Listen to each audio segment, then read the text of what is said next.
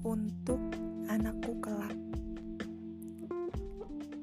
Jika nanti kau terlahir dengan dua pasang mata dan telinga, dua kaki yang kokoh untuk menopangmu nanti, satu paket lengan dan jemari, juga hidung dan bibir yang tercetak pada tempatnya, maka bersyukurlah Bersyukurlah atas mereka-mereka sebelum kau memulai dan menutup hari. Merekalah yang membuat ibumu masih ingin melanjut usia. Maka bersyukurlah atas mereka. Jika kelak kau terlahir dengan kejanggalan yang medis pun tidak dinyana, tidak apa. Sama sekali tidak apa itu berarti kau adalah anakku. Kau serupa aku.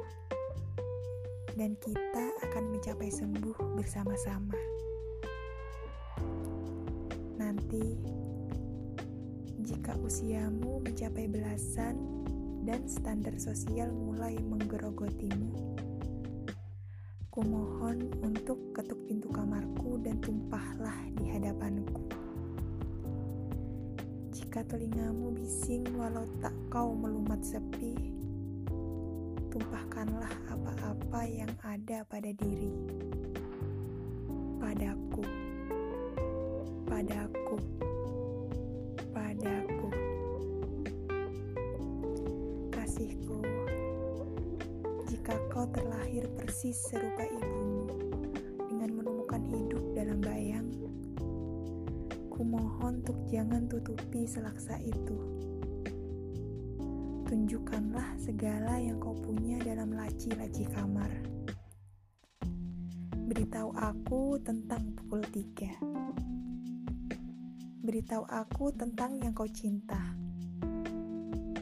Beritahu aku tentang keresahan luar dan dalam. Nanti kalau-kalau memang ini terjadi.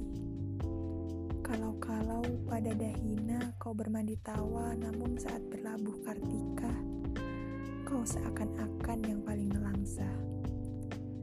Wahai cinta, wahai yang mengundang bangga, ingat bahwa ibumu adalah pintu segala cerita. Ingat bahwa ibumu akan selalu ada maka ketuk lagi pintu kamarku. Sesungguhnya, aku akan merasa paling bahagia saat bisa melihatmu tumpah dan membimbingmu untuk merakit sukacita. thank you